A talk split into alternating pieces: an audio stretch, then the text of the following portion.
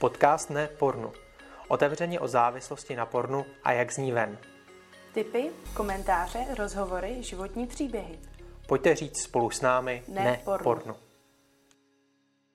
Ahoj všichni, vítáme vás u dalšího podcastu Nepornu. S tím, že tenhle ten podcast bude trošku jiný, než to běžně míváme, když se bavíme o nějakém tématu. A to nás samozřejmě taky čeká. Ale dneska se podíváme na to, Jakým způsobem bychom vás mohli namotivovat k tomu, abyste si prošli náš kurz 30 dní bez porna? Co vás v tom kurzu čeká?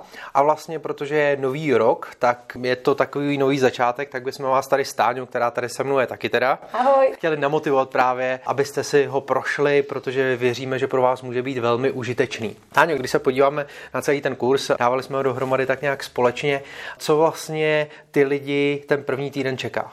Průběhu toho prvního týdne se z mého pohledu ten člověk, který se do kurzu přihlásí, nějak hlavně zaměří na svoji motivaci k tomu, proč vůbec chce s tím sledováním porna přestat. Protože často se naši klienti rozhodnou, tak já jdu do toho, prostě přestanu, ale vlastně neví proč a potom taky rychle selhávají, protože vlastně nemají ujasněnou tu motivaci a ta abstinence jim moc nedává smysl.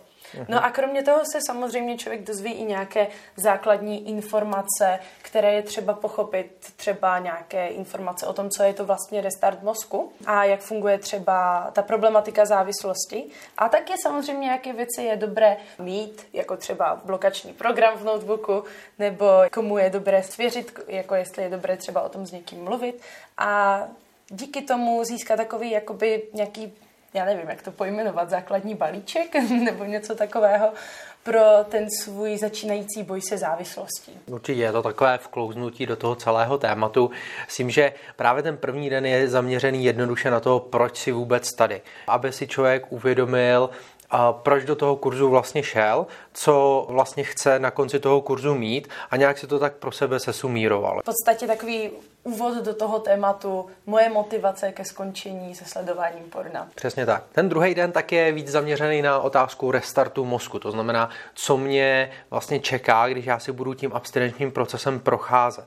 Jo, jaký jsou nějaký úskalí, jakým způsobem si může člověk nastavit základní parametry, jestli prostě chce abstinovat od porna i od masturbace, nebo jestli jenom od pornografie a bude přitom využívat masturbaci s vlastníma myšlenkama, nebo jestli třeba chce jít do hard modu a abstinovat od sexu úplně. Někteří lidi do toho jdou a vlastně ten druhý den tak provází toho člověka, aby si rozmyslel, jaký ten typ restartu chce teda mít. Zároveň mu to trošku ujasní nějaké třeba očekávání, co může čekat, že se během toho restartu stane a co naopak jsou třeba přehnaná očekávání a co se pravděpodobně nestane. A co dále? Co je třeba v třetím dnu?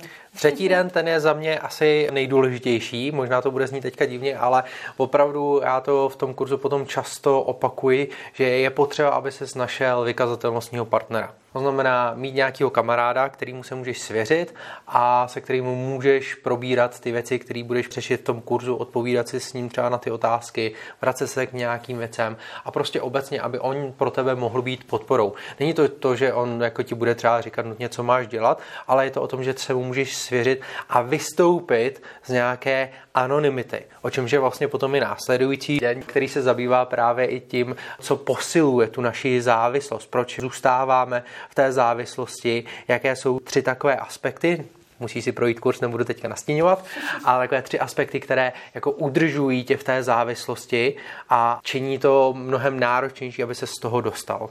Takže se tam člověk vlastně dozví i nějaké informace o tom, jak ta závislost vlastně funguje a co s ním ta závislost vlastně dělá. Mm-hmm. A v dalším dnu, pokud se nepletu, tak se pak člověk může podívat i třeba na nějaké svoje spouštěče. Ten kurz mu může určitě pomoci ty spouštěče odhalit a začít s nimi nějakým, nějakým způsobem pracovat. A co poslední den v týdnu? A šestý den se podíváme na to, jakým způsobem funguje ten koloběh závislosti, ale to vlastně navazuje na ty spouštěče, což vlastně ty spouštěče a ten koloběh závislosti, to je takový úvod do toho tématu. Potom vlastně v tom druhém týdnu se do toho ponoříme trošku víc. A ten sedmý den, my vždycky na konci toho týdne máme takové ohlédnutí za celým tím týdnem a je to v podstatě připomenutí si ty motivace, proč člověk ten kurz dělá, aby si připomněl ty svoje cíle a možná se podíval na celý ten průběh ještě třeba z jiného úhlu pohledu. A aby prostě si udržel tu motivaci, protože opravdu projít si celým tím abstinenčním procesem není úplně jednoduché a lidé ztrácí tu motivaci velmi jednoduše a proto jsme se rozhodli, že tam chceme mít tyhle ty vstyční body, kdy si právě budeme tu motivaci připomínat. Super.